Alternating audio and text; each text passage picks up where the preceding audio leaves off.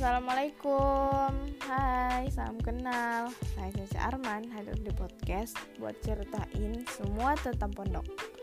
Bermasalah dan kakak kelas Pembina Atau kakak pengurus. Tenang Semua itu bukan masalah berat Melainkan sebuah pengalaman yang harus kita pelajarin. Karena dalam hidup itu nggak selamanya harus lurus. Pasti ada bengkoknya juga. Kalian tinggal pilih deh, ngebengkokin yang lurus atau ngelurusin yang bengkok. Masa lalu kelam memang harus dimaafkan. Meskipun susah, belajarlah untuk terus ikhlas dalam memaafkan.